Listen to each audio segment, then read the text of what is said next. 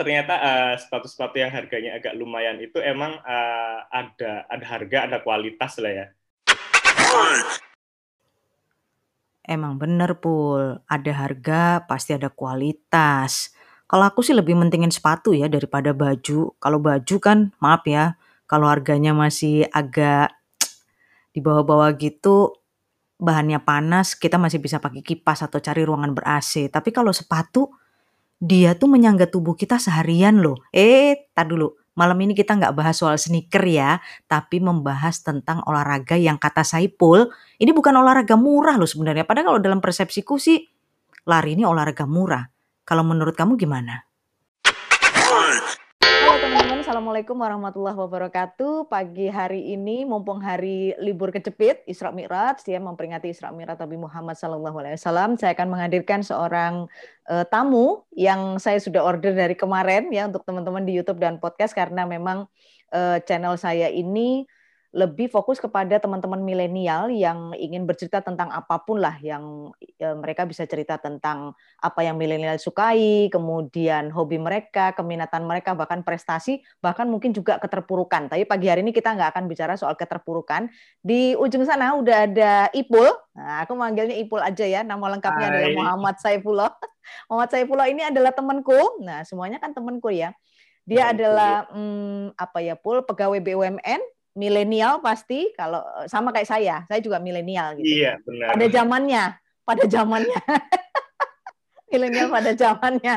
Apa yang akan kita korek-korek dari Ipul pagi hari ini karena gini, aku tuh dapat bocoran gitu loh. Itulah ada satu teman kita yang eh, apa namanya? Dia suka sekali dengan lari ya. Kita tahu sendiri sekarang milenial tuh sangat suka banget dengan olahraga-olahraga yang apa ya yang hal-hal yang lagi tren termasuk olahraga lari ini. Tapi kan sekarang lagi pandemi ini kita akan tanya-tanya Ipul gimana kemudian Ipul ini mengubah eh, apa ya bukan cara lari. Kalau cara lari ya tetap pakai kaki ya Pul ya. Tapi maksudnya polanya yang berubah tuh apa di pandemi? Tapi eh, gini eh, apa namanya kenapa sih Pul dari sekian banyak olahraga tuh aku pengen tanya kenapa kamu suka lari?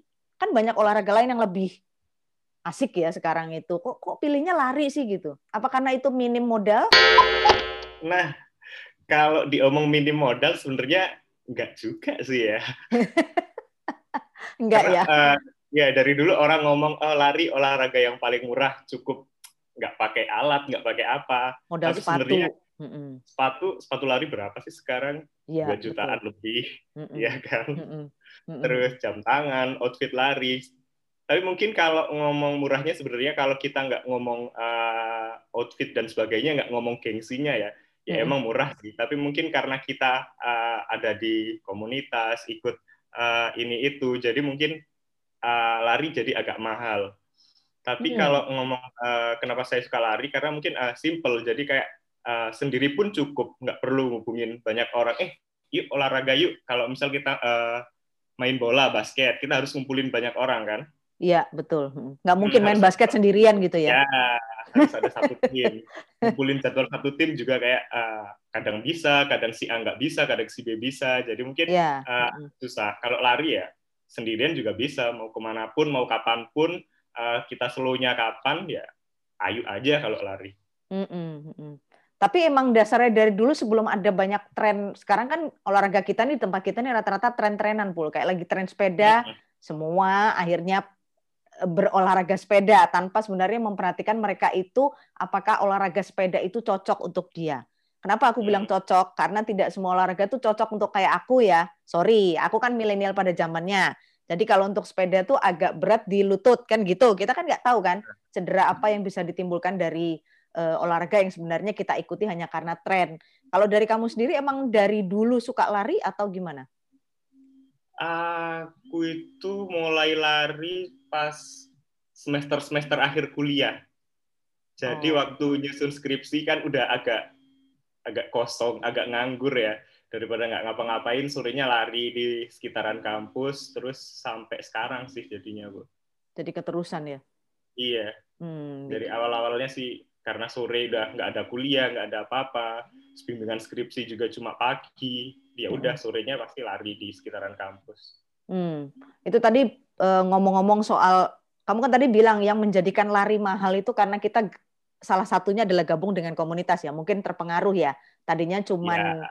lari itu, ah udahlah pokoknya modal sepatu lari, aku bisa lari sendirian kan gitu. Tapi kemudian kalau kita bareng-bareng larinya gitu terus lihat rumput tetangga kok lebih hijau gitu, sepatunya bagus ya atau mungkin dilengkapi dengan jam tangan yang ada pengukur apa pul pengukur apa? Heart rate kilometer ada GPS-nya nah, kayak gitu.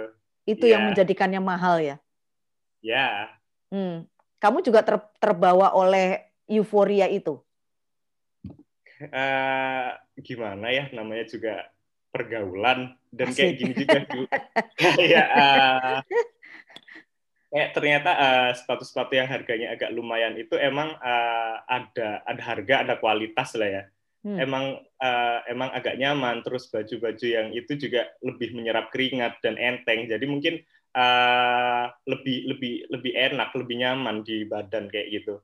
Jadi uh, bisa lebih lebih jauh lebih lebih lebih daripada baju yang biasa sih. Kalau kita pakai kayak baju yang kita pakai tidur baju-baju katun kan dia nggak menyerap keringat juga. Jadi keringat tetap aja ada di baju jadi agak berat. Terus dia basah terus kita kena angin mungkin akan masuk angin masuk malah angin.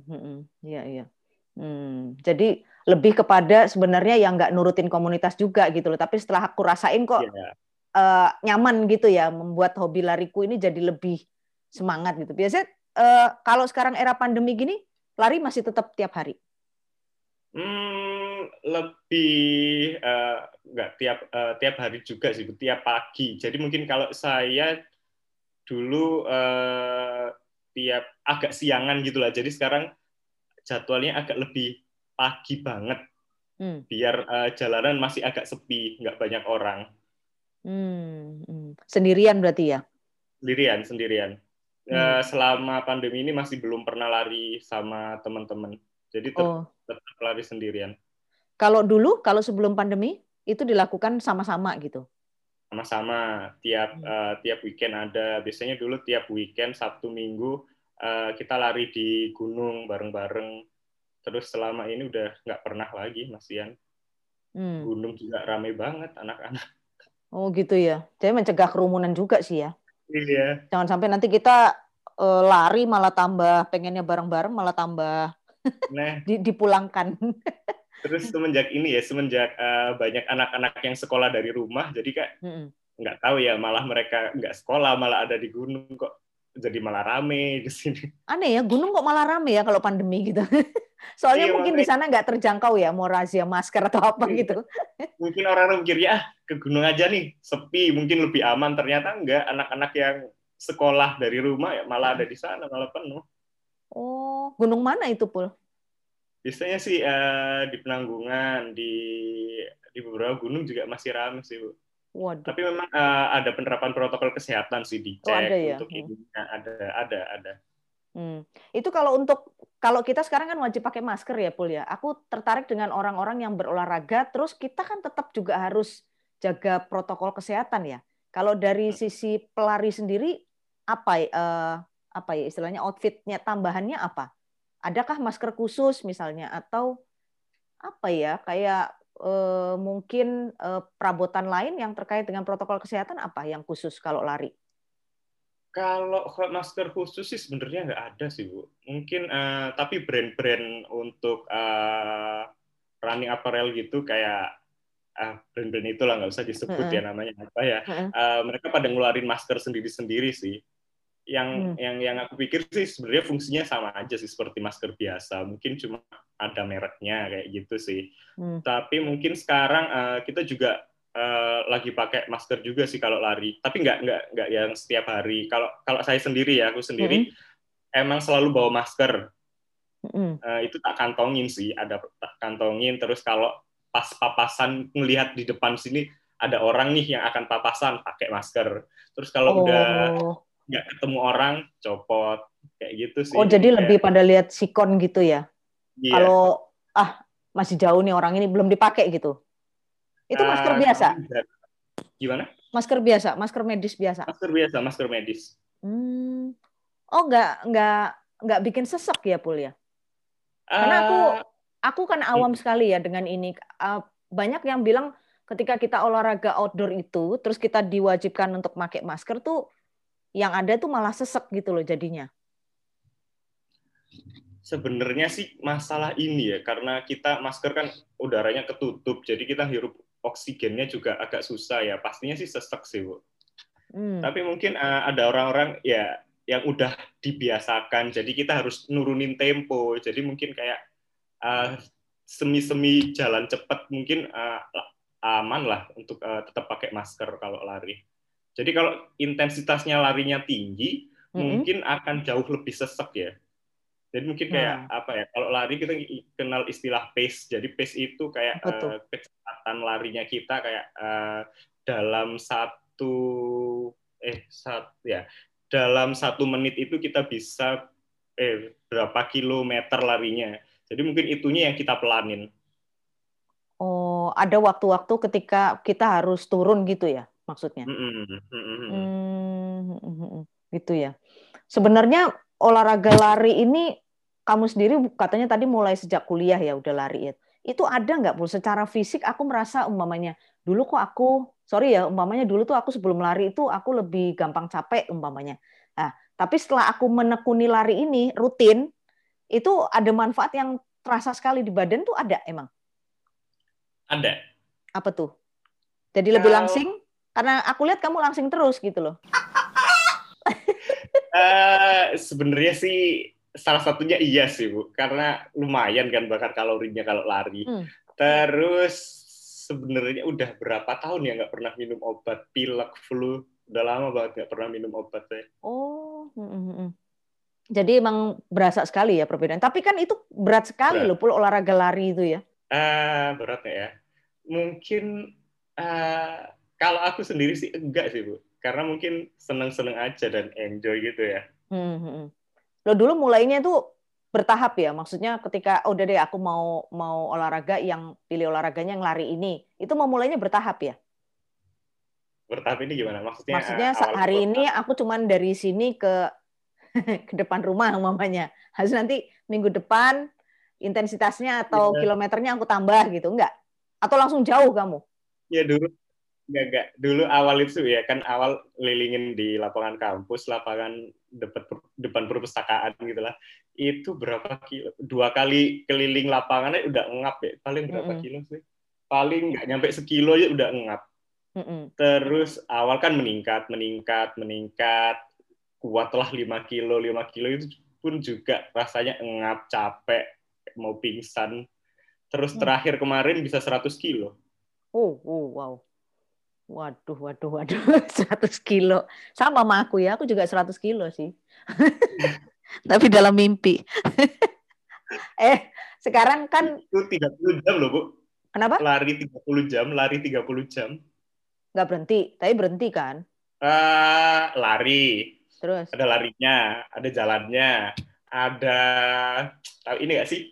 ada turunan kita harus turun yeah. pakai tali jangan tali hmm. uh, sambil kehujanan kepanasan sambil itu nangis itu di mana itu di mana itu di jadi itu kemarin ikut ini kan uh, BTS BTS ini Bromo Tengger Semeru jadi startnya di Bromo hmm. kita hmm. menuju ke Semeru balik lagi ke Bromo oh bolak balik ya berarti ya, ya. Hmm. ya ini memang Eh, event-event yang di-create itu rata-rata emang apa ya istilahnya kayak membooster kita sih untuk supaya kita lebih terpacu ya untuk ikut olahraga ini. Kayak kamu sendiri kan aku yeah. lihat aktif sekali ya ikut event-event kayak gitu ya. Itu sebenarnya motivasi kamu apa? Karena aku yeah. dengar itu ada bocoran. Jangan ketawa dulu. ini yang asik nih. Menit keberapa ini yang asik nih ya, teman-teman ini yang paling penasaran aku. Gaji segitu ya sebagai pegawai BUMN ya. Kemarin kan yang aku korek-korek dari Jervi juga seperti itu. Ah, Vi kamu tuh orang gila. Gajimu segitu kamu abisin sisa 20% untuk beli bla bla bla bla ya, untuk beli P2P, reksadana, yeah. nyicil rumah dan lain-lain. Tapi kalau nggak nekat gitu kan emang dia dia bilang kalau saya nggak nekat mumpung lagi bujang kan saya nggak dapat apa-apa bu. Oh, ya benar juga. Nah sekarang aku mau tanya motivasi seorang Saiful ini ya gaji segitu, saya tahu lah gaji orang BUMN berapa ya untuk tingkat pelaksana. Terus kamu tuh rela gitu ya, aku tahu kamu bujang, punya otorisasi sendiri untuk mengelola keuangan. terserah kamu lah uang itu mau diapain orang tua kamu pasti nggak bakal ngelarang. Tapi kalau sampai aduh segitu banyaknya hanya untuk mengikuti event lomba lari itu apa yang ada di pikiranmu gitu loh Pul? Apalah gitu loh. Motivasinya apa? Nah, lama kan dia jawabnya. Dia antara terharu apa dia. ya kalau dibilang motivasinya apa kayak selama ini uh, aku ikut lomba-lomba eh bukan lomba ya. Event lah ya. serius banget yang mm -hmm. ya event event lari kayak gitu sebenarnya untuk ini sih untuk liburan. Liburan apa hiburan? Betul nggak sih konsepnya? Uh, gini sih kayak uh, ada orang-orang ya ada orang-orang uh, yang rela juga ya. Aku bilang rela juga mengeluarkan uang untuk masuk ke kayak Disneyland. Disneyland berapa sih? Mahal juga kan? Iya. Uh, ya. Kalau dibanding sama uh, fee untuk ikut uh, event lari itu hampir sama lah kayaknya untuk masuk ke Disneyland. Hmm. Jadi mungkin uh, ada tipikal orang yang suka liburan dengan cara yang agak oh. mewah kayak gitu ke Disneyland atau masuk ke wahana-wahana apa. Hmm. Nah, kalau aku mungkin sama beberapa orang sama teman-temanku ini uh, liburannya dengan cara itu ikut uh, event lari event event lari kayak gitu. Jadi sebenarnya kalau ikut event kayak gitu kita lari lari di gunung. Mm-hmm. belakang sih lebih seringnya ikut lari event-event lari yang di gunung. Jadi uh, di sana lebih lebih lebih fresh lebih enak. Kayak liburan jadi jatuhnya lebih segar terus ketemu teman-teman baru terus uh, dan larinya itu kayak nyaman. Jadi uh, sambil lari terus di depan ada water station. Water stationnya itu juga ada buah ada ini itu. Jadi kayak sambil sambil liburan keliling di gunung itu hmm. udah ada yang nyiapin kayak ada buahnya ada makanan juga. Jadi lebih lebih senang lebih seru sih. Sama aja kayak liburan kalau uh, aku nganggapnya kayak gitu. Hmm, jadi ya motivasinya cuma karena apa ya ya mungkin orang itu melepaskan penat dari rutinitas itu kan macam-macam cara ya pul ya hmm. mungkin kamu dengan dengan yeah. cara seperti itu kan istilahnya kan kita kan selama ini kan ya lah bosen ya ngantor jam 8 pulang jam 5 tuh bosen yeah. Senin Jumat Senin Jumat sampai kayak gitu kan yeah. nah, orang mungkin ya, ya. Uh, uh, mungkin stress healingnya kan beda-beda lah Ipul dengan cara seperti itu nah sekarang aku pengen tanya nih berapa sih sebenarnya budget yang pernah kamu keluarin paling gede untuk ngiketin event itu mulai dari persiapannya, kemudian mungkin kan kita kalau sampai ke luar negeri mungkin tiketnya juga ya, terus visa uh, berapa ya. pul sampai? Apa tuh yang paling gede gitu? Terus paling menurutmu paling berkesan event itu yang mana? Paling gede dan paling berkesan sih beda sih bu. Kalau hmm, paling paling gede apa? Kan uh, sorry uh, paling paling paling menyenangkan dulu ya, paling menyenangkan hmm. dan paling berkesan ya kayak uh, Brompton Semeru itu tadi Oh. Itu lari sampai sampai start Jumat, finish Minggu kayak gitu kan seru sambil kehujanan, sambil ngapain nggak tahu lagi tuh. Tapi kalau yang paling gede ya di total dari semuanya mm-hmm. terakhir kemarin sebelum pandemi ya berarti akhir tahun 2019 di ini sih di Kuala Lumpur Marathon. Ya, mm. tiket Kuala Lumpur tiket Indonesia Malaysia PP, hotel, terus bayar uh, ini uh, fee-nya itu berapa ya? Itu kayak pendaftarannya gitu ya? Ya pendaftarannya 800 ribuan. 800 ribu. Ya pendaftarannya mungkin kamu masih bisa lah ya, tapi kan tiket PP-nya dan lain-lain akomodasinya tuh loh. Tiket PP berapa ya? Ya tiket PP standar lah segitu, terus uh -uh. hotel tiga eh berapa hari ya? Empat hari sih jadinya hmm. sambil jalan-jalan dulu. Hmm, hmm Habisnya hmm. jalan-jalan juga sih ya lumayan ya. Mm-mm. Ya itulah yang dikatakan ketika uh, kita menjadikan apa ya kesukaan kita tuh jadi kayak uh, stress healing gitu. Kamu kan pasti pulang juga iya. pasti merasanya lebih seger kan gitu. Jadi sambil liburan sih terus yang serunya sih kayak uh, lari sama orang-orang baru sambil biasanya epicnya ya setelah lari kayak gitu papasan sama orang ngobrol dikit terus habis itu besoknya main sama dia keluar hmm. bareng nongkrong kafe padahal juga baru kenal ya ya itu pas pas lari bareng baru kenal terus bisa nongkrong kayak gitu sih hmm iya itu ya jadi asik juga ya kita bisa terhubung dengan banyak orang di luar sana ya yang selama ini kamu kan mungkin sehari-hari cuma lihat cuma lihat uh, teman-teman di kantor kita itu aja satu kuprok satu iya, kotak iya, iya. loh gitu tuh gitu, aja. Uh -uh, gitu itu atau oh ya ya tadi yang yang yang berkesan tadi apa pul? Kalau yang kamu bilang tadi BTS kan ya. Uh, hmm. yang membuat kamu berkesan kan adalah karena dari Jumat sampai Minggu terus uh, rintangannya seperti itu gitu ya. Nah ini bicara masalah kesan juga karena kadang-kadang accident itu juga menjadi kesan. Pernah ada accident?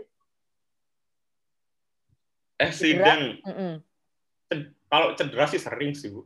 Oh sering ya, walaupun kamu kayak uh, ini ya. Kayak BTS itu uh, kemarin itu sampai kaki kiri bengkak sih di pergelangan kaki. Waduh.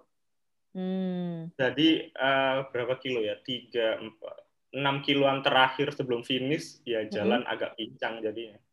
Tapi ada ininya kan terapisnya.